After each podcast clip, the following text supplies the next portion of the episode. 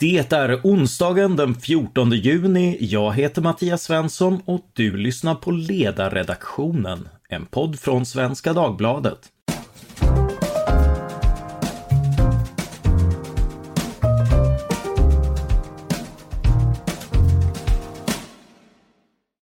Har svensk integrationsdebatt något att lära av nordafrikansk litteratur?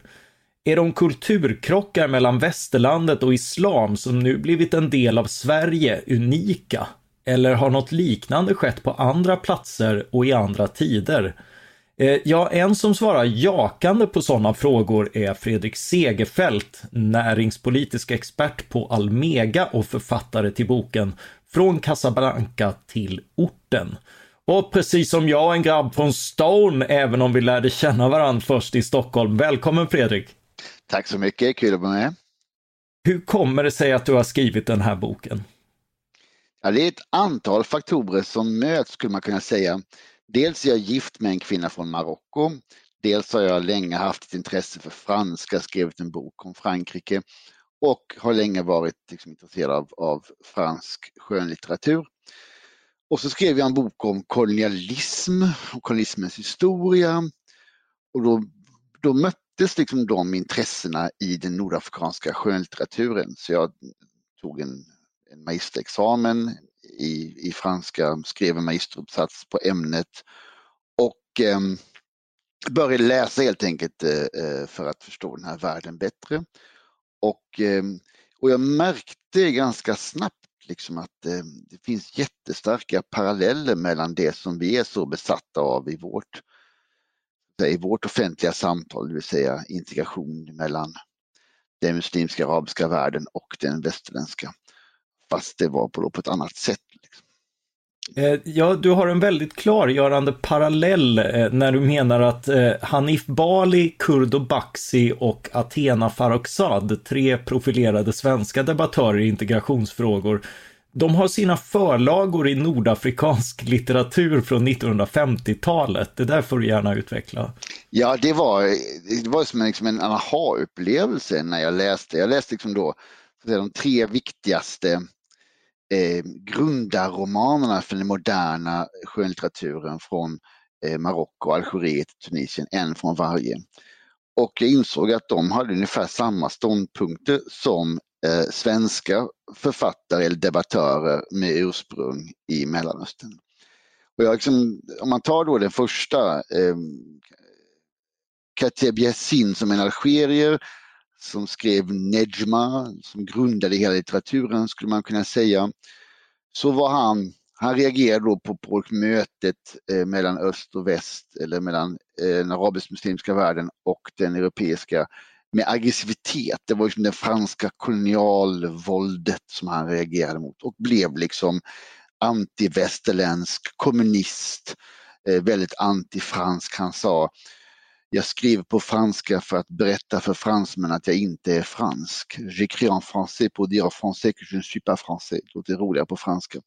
Eh, och jag eh, tänkte liksom att det, det finns ju sådana svenska debattörer som är vänster, ganska långt till vänster, antivästerländska, antikoloniala och som ibland också drar åt det muslimska hållet. Och Athena Farrokhzad är ju, ju typen för en sån person. Sen har vi då eh, den marockanska motsvarigheten Driss Shaibi som skrev en roman som tog avstånd från det muslims, arabisk-muslimska samhället och om, omhuldade eller omfamnade det västerländska. Han fick en fransk utbildning och han liksom bad det han tyckte var ett jävla skitsamhälle i Marocko fara åt helvete. Det patriarkala, det, det bakåtsträvande, det icke-upplysningssamhället, eh, det religiösa, eh, det patriarkala och så vidare. Um, och han liksom, alltså det första han gjorde var att sätta sig på ett plan och åka till Frankrike och aldrig mer komma tillbaka och han är väldigt vulgär i sin uttryck när han uttrycker sin, sin han pissar, alltså jag uttryckte på sista sidan i romanen var jag, jag pissar på, jag hoppas mina sista droppar urin faller på era huvuden alla ni jag hatar. ja, det är så vulgärt. Det, det är, ja. ja ehm, och då tänkte jag, det är precis som Hanif Bali som är liksom mer västerländsk än de västerlän, än de svenska. Liksom. Så att han, han är väldigt kritisk mot islam och det arabisk-muslimska samhället. Och så finns det då en tredje kategori eh, och det är Albert Memmi som är en tunisisk författare som skrev också en grundarroman då ungefär samma tid, mitten på 50-talet. Eh, och han var då jude i, i, det, i det av Vichy-regimen styrda eh, Tunisien. Det vill säga den nazistiska lydregimen efter att Frankrike hade eh, gett upp i andra världskriget. Och eftersom han är jude då så, så, ja, så hamnar han ju liksom i koncentrationsläger och sådär. Um, um, men, han är ju då, men hans identitetskamp, han får då en fransk utbildning också va, och blir västerländsk och sådär. Men, men hans, han är ju en minoritet i minoriteten så, så hans liksom, identitetskonflikt har ju tre dimensioner. Eller tre, han ska ju förhålla sig till det västerländska men också att han är minoritet i, det, i, i kolonin, alltså det var ett protektorat inte kolonin. Så, att, så hans, den andra som man pratar med postkoloniala, det är ju araberna, muslimerna.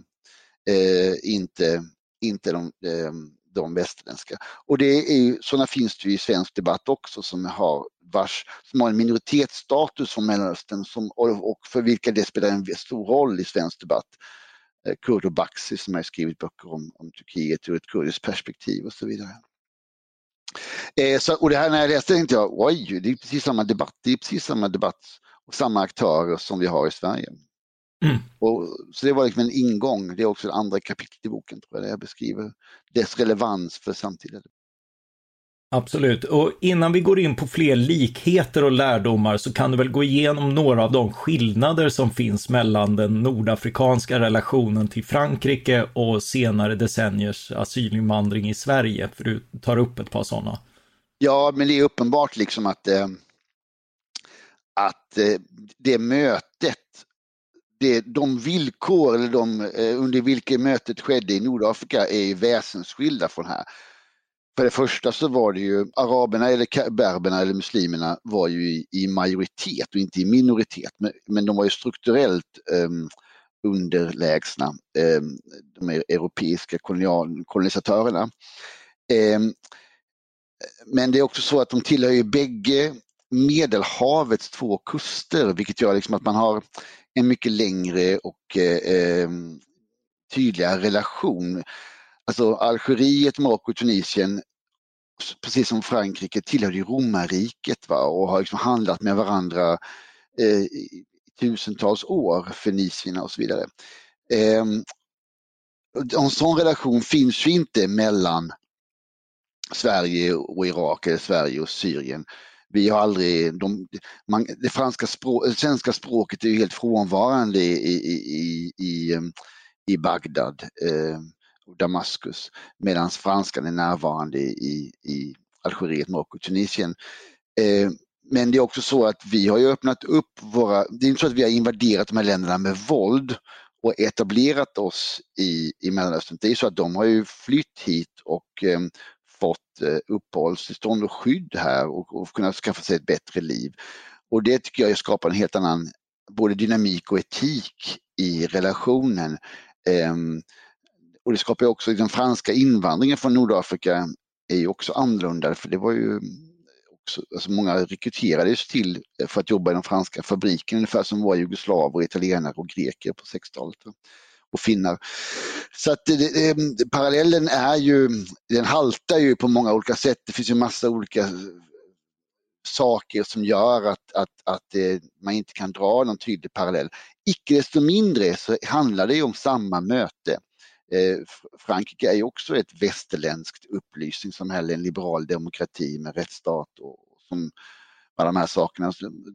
Så jämfört med araber, även om jag skrivit en bok om hur mycket, vilken hatkärlek jag har till Frankrike, så är det ju ur ett globalt perspektiv två västeuropeiska länder. Som vi har pratat om i en tidigare podd som man gärna får lyssna på förstås. Just det.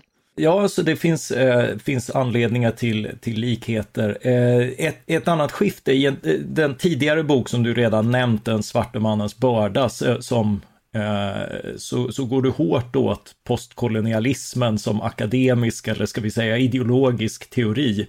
Eh, men i den här boken använder du själv en sån ansats. Eh, varför då och vad, vad kan man upptäcka genom att göra det? Ja, nej men jag tyckte liksom att jag hade varit så eh, aggressiv och så här. Jag ville liksom velat, jag velat visa till att deras världsbild var fel och så gjorde jag det. Och sen så tänkte har jag tänkt ändå liksom genom eh, åren. Kort att, på vilka grunder?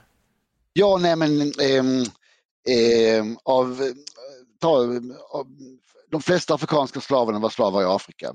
Eh, fler eh, fler eh, europeer var slavar i Nordafrika än, än af, afrikaner föddes till USA. Ehm, av världens historiens största imperier, tio största imperier bara fyra varit västeuropeiska och eh, väst är mindre rasistiskt än västen. Ungefär så. Eh, och det är ju motsatt mot vad hela deras världsbild går ut på. Ja, så, så det, allt är inte västerlandets fel?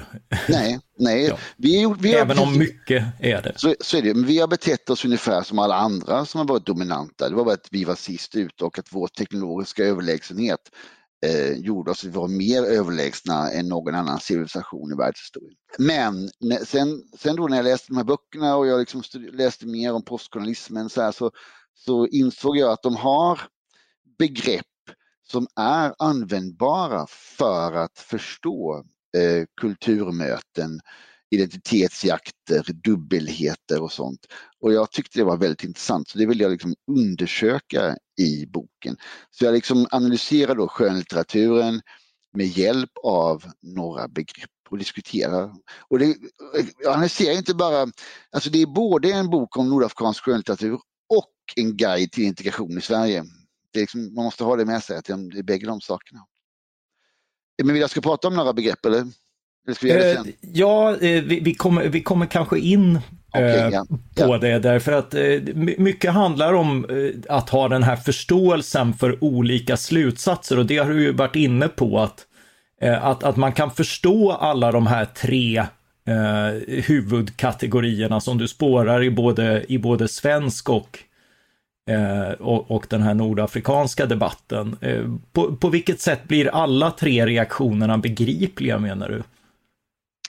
Jo, det är inte så konstigt liksom att man, det är uppenbart så att västvärlden eh, har bättre samhällen än den arabisk-muslimska världen. Så jag menar, det är ju bara att mäta, alltså allt, alla rankningar, titta på hur samhällena fungerar, välstånd, frihet, respekt för mänskliga fri och rättigheter, rättsstat, eh, Eh, alla de här sakerna.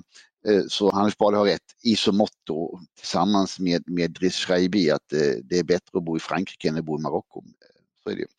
Ehm, det andra är liksom att det är förståeligt att man tar med sig sin minoritetsstatus när man kommer från ett land som också då utövar förtryck mot de här minoriteterna. Jag, jag har stor förståelse för att kurderna är förbannade på Turkiet. Liksom. Jag menar, de, eh, och jag har också förståelse för att man reagerar om det har kommit människor med en annan civilisation och annan identitet, och språk och religion och med våld tvingar dig liksom att ta ifrån dig din egendom och tvinga dig att vara liksom, inte en slav men en undersåte som, liksom, som inte får äga och ha rättigheter på samma sätt. Det är klart man vänder sig mot den och skaffar en annan identitet som skiljer sig från den. Så jag menar, jag, jag har stor, även jag, som jag skriver i boken, jag har väl störst liksom ideologiskt känner jag ju personligen att jag står längst ifrån Athena Farrokhzad. Eh, men, men jag har inte svårt att förstå intellektuellt hur, eller känslomässigt hur hon, hon har landat i, eller hur de landar i de positionerna. Mm. Eh, och, och, det här är ju, eh, kan ju tyckas vara väldigt postmodernt, alla, all, alla har rätt på sitt sätt, men en, en bestämd slutsats du drar, det är att landet man föds i påverkar betydligt mer än man tror den som växer upp i Frankrike blir fransk, den som växer upp i Sverige svensk, även om föräldrarna kommer någon annanstans ifrån. Hur, hur visar det sig? Jag tycker, det, jag tycker det, var, det var fascinerande. Det var, det var i en bok eh, eh, av ehm, eh, Boadem Sansal, den algeriska författaren, som, som, eh, där en eh, kille som bor i en förort som är med i ett gäng och som har en förortsidentitet med algeriskt ursprung. Det är, det är en krångligare historia än så, men vi hoppar över det nu. Eh, vi sammanfattar det så bara. Eh, ska åka eh, till Algeriet för att undersöka eh, föräldrarnas död, för han är nämligen uppvuxen hos sin farbror. Och hans killgäng då, de reagerar med väldigt tuffa ord och rädsla du kan inte åka dit, de kommer ju grilla dig som en jude. Akta dig för snuten, de är maffia. Eh, de gillar inte fransmän.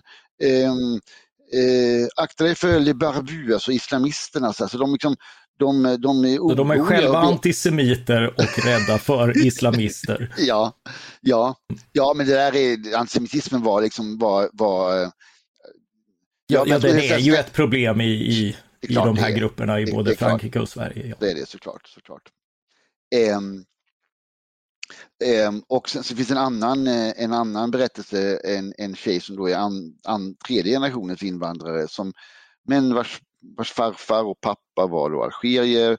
Och så har hon aldrig varit där för att han, han hade slagits på Frank, farfar hade slagits på Frankrikes sida i eh, befrielsekriget då, eller Algerietkriget som slutade 62. Och så skulle hon då dit och göra en business, hon jobbade med en konstutställning och så. Och då passade hon på att åka ut till eh, föräldrarnas, pappans eh, by. Och fick ju en jätte enorm kulturchock. Smutsen, flugorna, fattigdomen, de har inget gemensamt språk eh, och sådär. Och ändå kunde hon känna igen sig, liksom hon såg eh, släktingar som, som såg ut precis som hennes syster och sådär. Så det fanns ju liksom, det var farfars bror och sådär, så det fanns nära släktingar, kusiner, ja, kanske inte någon kusin, jag kommer inte ihåg exakt, men, men liksom men hon kände sig bara, det här, jag, jag, hon har aldrig känt sig mer fransk sa hon än när hon var i sin eh, farfars by i, i Kabylien i, i Algeriet.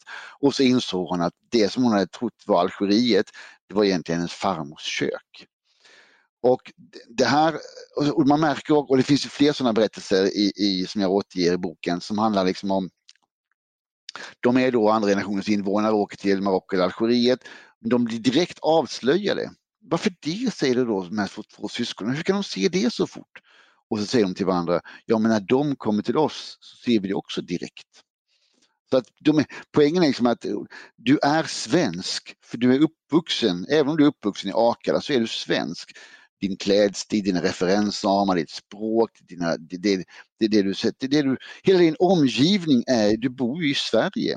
Så att eh, både de själva och eh, vi andra, alltså både minoriteten och majoriteten bör inse att minoriteten också är svensk även om man kan ha en dubbel identitet. Ja, vi har ju i dessa studenttider fått en uppblossande debatt om att eh, de som går ut svenska gymnasieutbildningar viftar med sitt eller sina föräldrars födelselands flaggor. Visar inte det att de här eleverna inte är tillräckligt svenska? Jag tycker inte det är något problem alls att man har en dubbel identitet att man liksom är svensk. Man har ju gått svensk utbildning, man, man tar en svensk studentexamen och sen så vill man samtidigt liksom eh, eh, hedra eh, föräldrarnas eh, ursprung. Eh, jag, jag önskar, som, som eh, jag brukar säga så eh, önskar jag att man kunde, man säger så här Asian American, Croatian American, Swedish American. Man kan väl vara somalisk svensk, det är väl inga problem med det. Eh, ja, precis alltså. Eh, boken heter eh, Från Casablanca till orten och, och, just det senare är ju idag förknippat med ett utanförskap som handlar om allt från kulturella och socioekonomiska barriärer till kriminalitet och en självvald outsider-identitet som vi har varit inne på lite grann. Fin, finns det några paralleller här? Jo, men till den, alltså, den, är, den parallellen är ju starkast till Frankrike. Ehm, därför att där har man ju samma, samma förort, samma problem med integration, samma kulturkrig och, och ja, så vidare. Förort har lite samma konnotation, banlieue. Ja, banlieue, precis. Ehm, och det, det, var någon, det, var någon, det var någon rolig berättelse. Det var någon fransk integrationsminister som var på besök i Rosengård, för det var ju så berömt. Och så, så, så, så var han där och så bara, är det det här ni kallar getto? det var ganska roligt. Eh, nej men eh, så det, det, här, det, det, finns liksom inga paralleller, det finns liksom inga eh, Numera bor det ju inte så mycket europeer i de här länderna utan de har ju sina egna minoriteter och så. Så att, eh, här är ju parallellen mellan Frankrike snarare än mellan Nordafrika. Men, men det fångas ändå lite grann i, i författarskapen. Man, man försöker komma in i, några, de som väljer liksom det franska försöker komma in i samhället och så. Ja men så är det, men både, både under kolonialtiden eh, när man fick en fransk utbildning eh, och eh, liksom fick då upplysningen till sig va? Och, och på den tiden var ju en gymnasieexamen väldigt, väldigt svår och det var liksom någonting mer än dagens gymnasieexamen. Det var väldigt få som gick det och sådär. Så de var ju väldigt bildade de här personerna. Många av dem blev ju sen författare och journalister på franska och så. Va? Men då förnekade majoritetssamhället, alltså de, även om de kunde och skrev på franska och kunde om Frankrike och kunde om mer om fransk litteratur än många andra fransmän så förnekades deras franskhet för att de hette Mohammed eller Fatima. Um, och, och, det här har Frans Fanon eh, skrivit om, en, en, en karibisk, fransk-karibisk eh, teoretiker, han var psykiater, um, um, om hur liksom man det, det, det, det, är ingen mening att lajva fransman för de vill inte släppa in dig ändå för du är svart. Så, om man ska sammanfatta hans teori väldigt. Eh, men det var ju också en, han var ju också kommunist. Så där. Men, men, men det, det finns någonting eh, relevant och viktigt i det synsättet att eh, det kan vara svårt eh, om man tvingas på en identitet eh, och, och ta till sig också den med, liksom med, med hull och hår och sen förnekas för att man ser annorlunda ut. Ja, det är ju ett genomgående tema i böckerna. De här dubbla identiteterna från två länder och olika kulturer skapar både inre slitningar och en svårighet att veta vem man är och var man tillhör. Och, och att, att, att kunna tillhöra är ju inte samma sak som att vilja tillhöra. Eh, du tar upp något som kallas tredje rum på ett sätt som många använt för att hantera de här slitningarna. Vad, vad är det? Jo men det är eh, Homi Baba som är en av de stora postkoloniala teoretikerna. Han pratar dels om hybriditet som är att vara dubbel, som kommer från biologin, men att få liksom en, en, två arter eller två blommor som, som mm, kopplas ihop och blir någonting nytt och sådär. Ehm, och det är problematiskt ehm, tyckte många av de, särskilt de tidiga eh, nordafrikanska författarna. Ehm, och en och, och en, en strategi för att hantera det, det är liksom att skapa en neutral plats. Där du är, för att man tycker så liksom att man känner, man känner tryck från det som är det franska och man känner tryck från det nordafrikanska eller eh, arabisk-muslimska. Och man försöker liksom då, det är svårt att, inte, att vara varken helt ena eller helt andra. Och eh, för att navigera i, den, i det svåra läget så, så, så är det många av författarna som använder sig av platser som Eh, där man slipper det här trycket som är neutrala. Till exempel har vi då eh, eh, Telja och François, hon eh, i eh, Yasser Jebars eh, bok Les Nuits de Strasbourg, Nätterna i Stras Strasbourg. Eh, och eh, hon är då algeriska och han är fransman eh, och han är 20 år äldre så han, och det här var 80-talet. Så han kan ha varit med i kriget, så hon undrar vad gjorde han egentligen? Har han torterat, har han torterat min familj eller sådär? Va? Eh, och, så, är, så är de i Strasbourg som då är, liksom, är på gränsen mellan, mellan Frankrike och det germanska och det romanska, eh, latinska i Europa. Eh, men då, så tillbringar de de här nätterna i Strasbourg, det är alltså nio kärleksnätter på olika hotellrum som de säger så här, nu, nu struntar vi i det, nu är vi bara själva och vi kallar rummen Alsagerie. En, en mellanplats mellan Alsace och Algeriet där de helt enkelt kan få njuta av varandras kärlek eh, lugnt utan att vara utsatta för det här trycket. Eh, det finns också en berättelse om, om en tjej som är eh, hon är pojkflicka, eh, homosexuell, 10, 11, 12 år men också då fransk mamma och algerisk pappa och eh, bor i Algeriet.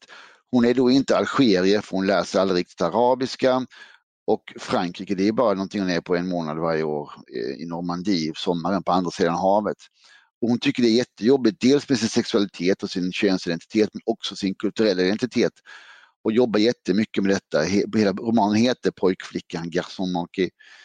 Um, men så kommer hon till Rom en gång när hon är typ 12 och bara inser, här, det är varken Frankrike eller Algeriet. Det förstår hon är en annanstans än de här två länderna. Och, och märker att här kan jag bara vara mig själv. Um, och det finns en, en tredje, ett tredje exempel på en, en marockansk pojke i tioårsåldern som går på internatskola i Casablanca på, på ja, i 60-talet måste det vara, eh, efter att eh, Marocko har blivit eh, självständigt, men ändå en fransk elitskola. Och han eh, upplever enorma kulturkrockar, eh, eh, massa olika saker, tycker det är jättejobbigt.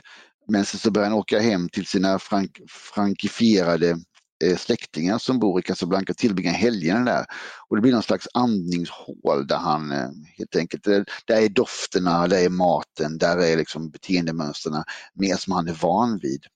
Så det här är liksom en strategi att hitta ställen, platser, miljöer där du slipper det här trycket hela tiden att välja och du kan vara, vara dig själv. Så tredje rummet eh, är ett väldigt intressant eh, begrepp. Både för att förstå litteratur men också som strategi för att hitta identitet när man själv lider av kulturell dubbelhet.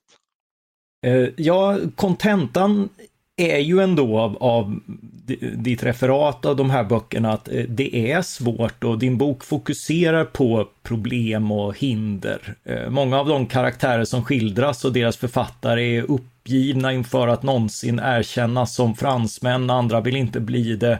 Och även för de som lyckas eller hoppas tycks det vara en ständig prövning om man blir underkänd i andras ögon och sådär.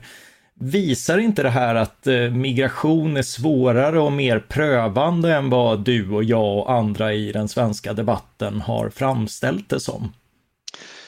Alltså jag tror inte det är någon som har sagt att det inte, att det, liksom, att det inte finns um, identitetsproblem med att byta land. Jag har själv bott i tre, fyra andra länder och vet hur det är.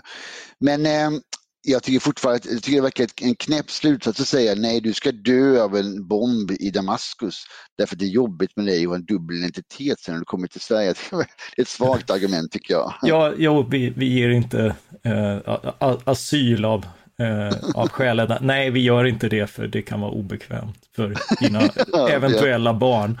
Ja, ja, precis. Nej, det verkar ju helt en orimlig slutsats. Men, men det är ju ändå svårigheter och, och, och slitningar och, och trauman och sådär som, som inte går att, att komma ifrån, men, men som, och som vi också är ganska tafatta inför. Det är ju en anledning till att du har skrivit den här boken, att, att visa att, att, att krockarna och slitningarna har, har funnits förut och det finns inte nödvändigtvis, det finns i alla fall inte ett tvärsäkert rätt svar.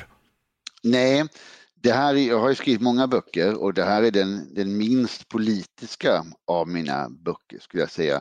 Där jag egentligen inte har något, så här, något svar. Jag driver ingen tes utan jag vill dels eh, berätta om att, att det, det finns människor som har upplevt samma kulturkrockar som vi har gjort men som inte vi känner till för att det är en annan del av världen. Och jag vill också berätta om litteraturen och jag vill också ge en guide till integration för att det finns ju eh, som sagt verktyg och lösningar. Och, och sen också lite råd på vägen som är liksom att man, man, man ska inte Små vardagsförnedringsgrejer kan ju skapa stora sår. Man ska vara snäll mot sina medmänniskor. Jag menar, det finns ingen anledning att, att liksom kalla folk saker och sådär. Eh, för det, eh, det mm, och, och, ehm, jag, jag tror jag skrev någonting om att alla människors lika värde har ju blivit som en Twitter-kliché som eh, folk driver med. Men alla människors lika värdighet eh, tror jag är centralt. Eh, för det är någonting som många av romankaraktärerna eh, lider av. Det är nämligen att deras värdighet tas ifrån dem. Ja, du ger några exempel på det och det har med både radikalisering och också utanförskap att göra i ett par eh, kan, kan du ge ett par exempel på, på hur, hur liksom sådana här små saker kan, kan bli betydelsefulla? Ja, nej men eh, det finns i, i Jasmina Khadras uh, eh, Var dagen är natten skyldig så är det en kille som eh, heter Jones som då är arab. Men han är blåögd och ljus och eh, växer upp hos sin frankifierade farbror och hans franska fru och uppfattas då som västerlänning av sina klasskamrater. Så han växer upp liksom bland de privilegierade i liksom det koloniala Algeriet. Ehm, men så, men så upptäcker hans eh, för att, och då går han under namnet Jonas, alltså Jonas på, på, på franska. Eh, men så upptäcker hans flickvän att han är arab och då gör hon slut direkt och bara jag ska aldrig få för mig att vara ihop med och gifta mig med en arab. Skulle hellre dö, säger hon. Eh, och de, i, i, klassen så är det en av hans få andra arabiska eh, klasskamrater som inte har gjort läxan. Och då, då frågar läraren varför har du inte gjort det? Och då säger en av hans klasskamrater, för att araber är lata. Och så skrattar hela klassen. Va? Och det är sådana små, man kan tycka att det är en detalj, men det är, om man går igenom livet med att få sådana här pikar dag ut och dag in så, så, ehm, ja, det, så ska man inte bete sig, det är inte bra. Det skapar en bitterhet eh, och hat i människor att behandlas på det sättet. Ehm, det finns också eh, en, i en beskrivning av, för det, fyra eller fem av böckerna, eh, fyra, fyra fem är det, handlar om, om eh, kopplingar till liksom islamistisk och islamistisk terror och sånt där. Va? Och då finns det eh, en, en beskrivning av en kille som är från Marocko från början, som är så här, ja, men, kvalificerad eh, tjänsteman i näringslivet, driver någon sån här projekt, utvecklingsprojekt för eh, det franska företaget Dassault. Eh, motsvarigheten till Saab. Men så har liksom, han drivit det här, alltså pitchat det här och fått det och varit liksom projektledare och så. Så blir han bortplockad. För det är nämligen, ja, de har ju med försvarsmaterial. Så, och då var det något samarbete med jänkarna tror jag. Och sen så fick inte han vara med för att han har ett arabiskt muslimskt namn. Man kan, inte, inte, man kan helt enkelt inte ha en sån person som leder det här då hemliga projektet. Och det här, han blir ju han blir så förnedrad för det var ju hans projekt, det var han som har gjort alltihopa. Um, så han eh, ehm, är i Paris men söker inget nytt jobb utan känner sig så förnedrad för detta att han liksom sjunker in i sig själv, sin identitet, börjar gå i moské och sådär som han gjort tidigare och tillbringar all tid på sådana här obskyra jihadistsajter och det slutar med att han eh, hamnar hos eh, IS i Syrien. Liksom. Och, eh, och där försöker han sen fly och bli skjuten för flyktförsök. Va? Så han blir, liksom, han blir helt enkelt liksom en islamistisk terrorist um, för att uh, han känner sig så förnedrad. Och, och, och, för många är stegen just de, just de här vardagliga upplevelserna av ja. diskriminering ja. eller rasism eller människor uttrycker förakt på olika sätt eller orättvis behandling. Orättvis behandling och så. Ja, och, och, det är ju ofta just i vardagen man, man känner sådär att liksom, nej, inte ens, eh, i, ingenting jag gör är, är gott nog, är väl lite grann det som det, det. det som det fångar. Att... Just det.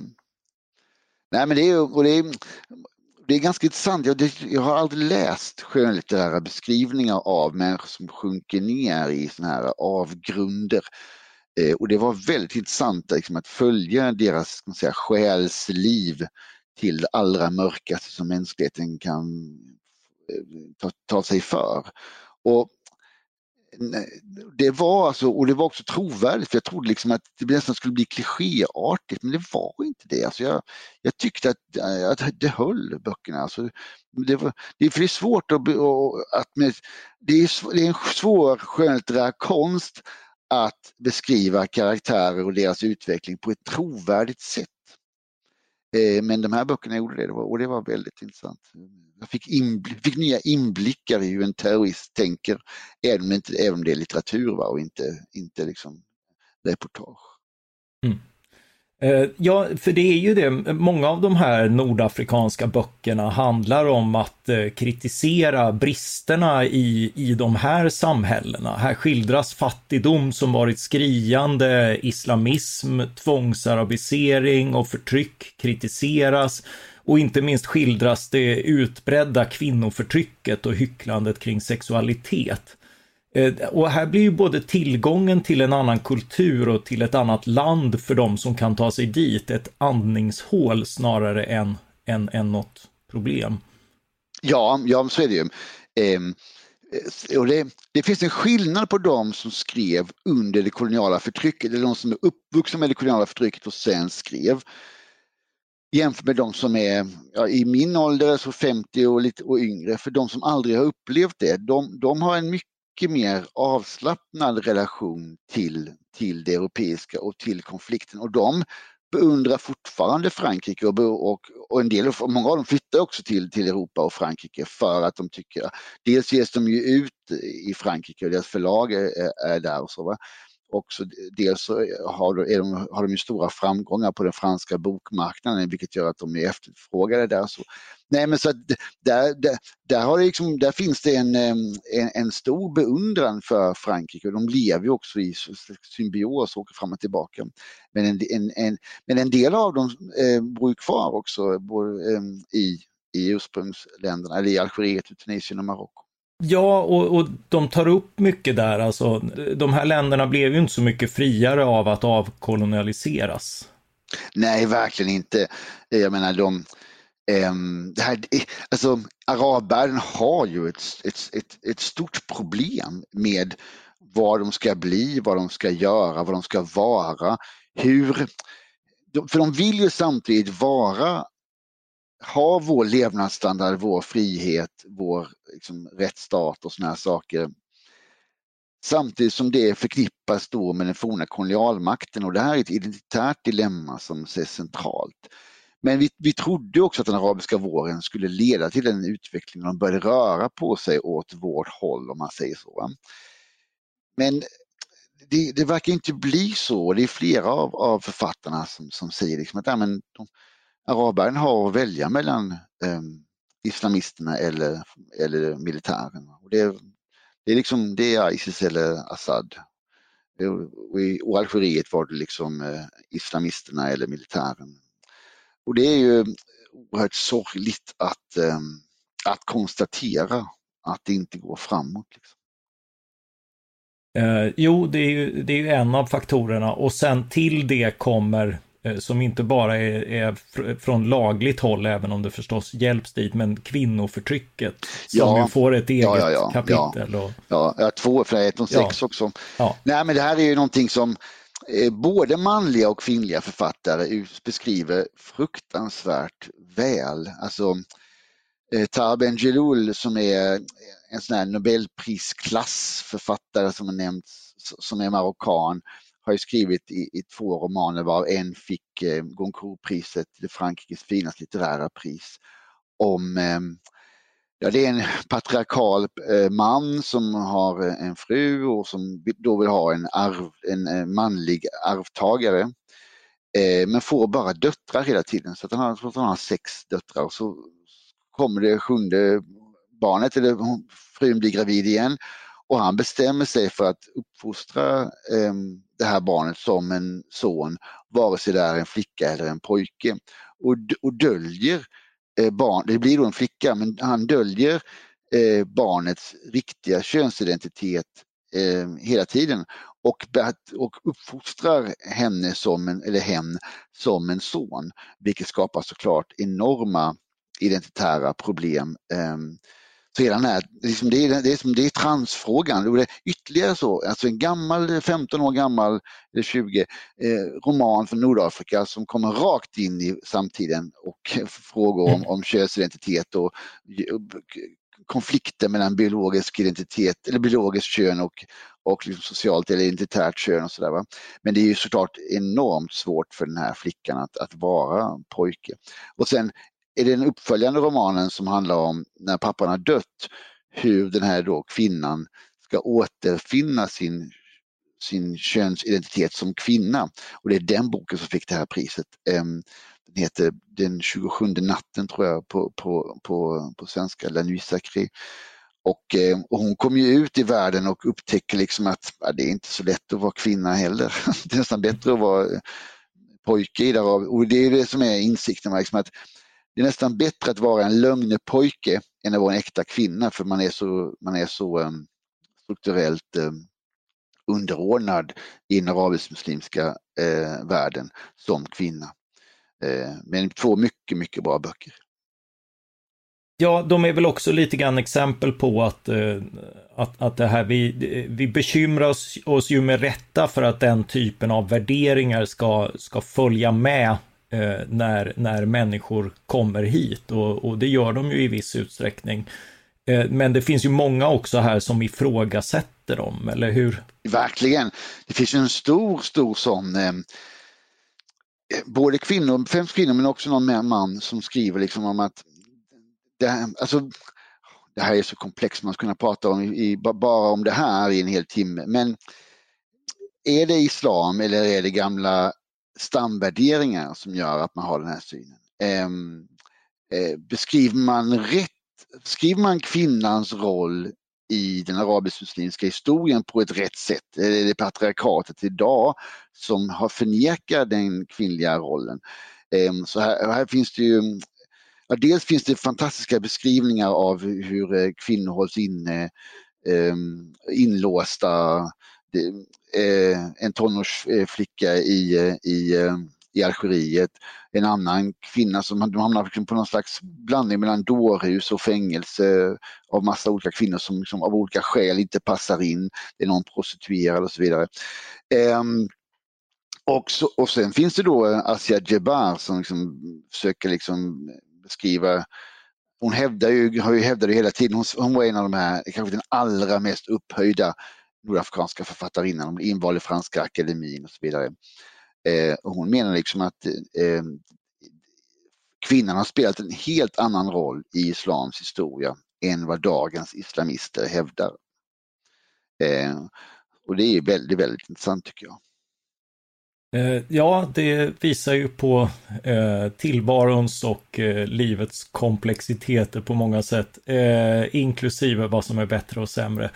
Eh, mm. Och det, det, här är väldigt mycket vad, vad den här boken handlar om. Eh, nu är vi goda vänner och lyssnarna får ta min rekommendation med valfria mängder salt, men, men de tunga ämnena till trots så är det en rätt kort och lättläst bok.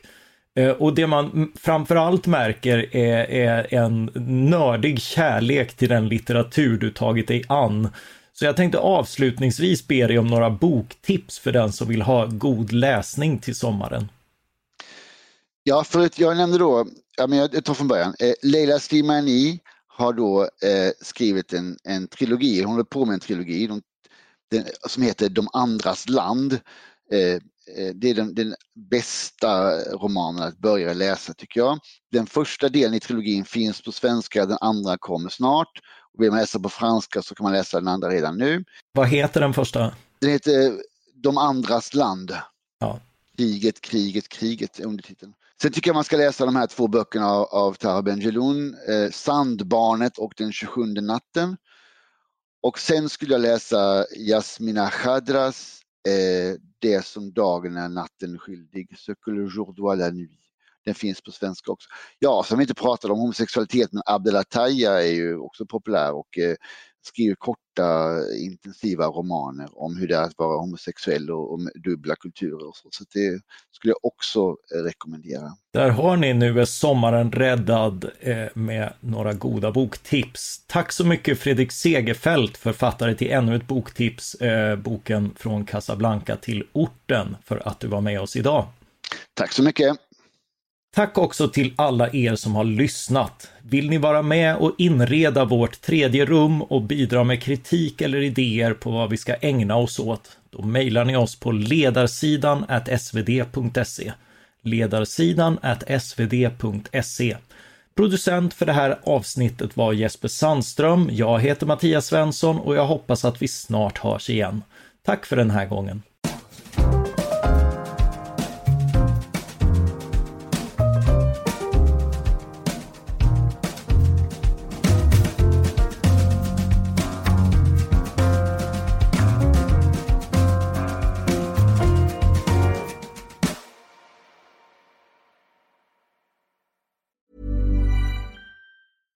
Selling a little or a lot? Shopify helps you do your thing however you cha-ching. Shopify is the global commerce platform that helps you sell at every stage of your business. From the launch your online shop stage to the first real life store stage, all the way to the did we just hit a million orders stage. Shopify is there to help you grow. Shopify helps you turn browsers into buyers with the internet's best converting checkout. 36% better on average compared to other leading commerce platforms because businesses that grow grow with Shopify. Get a $1 per month trial period at shopify.com/work. shopify.com/work.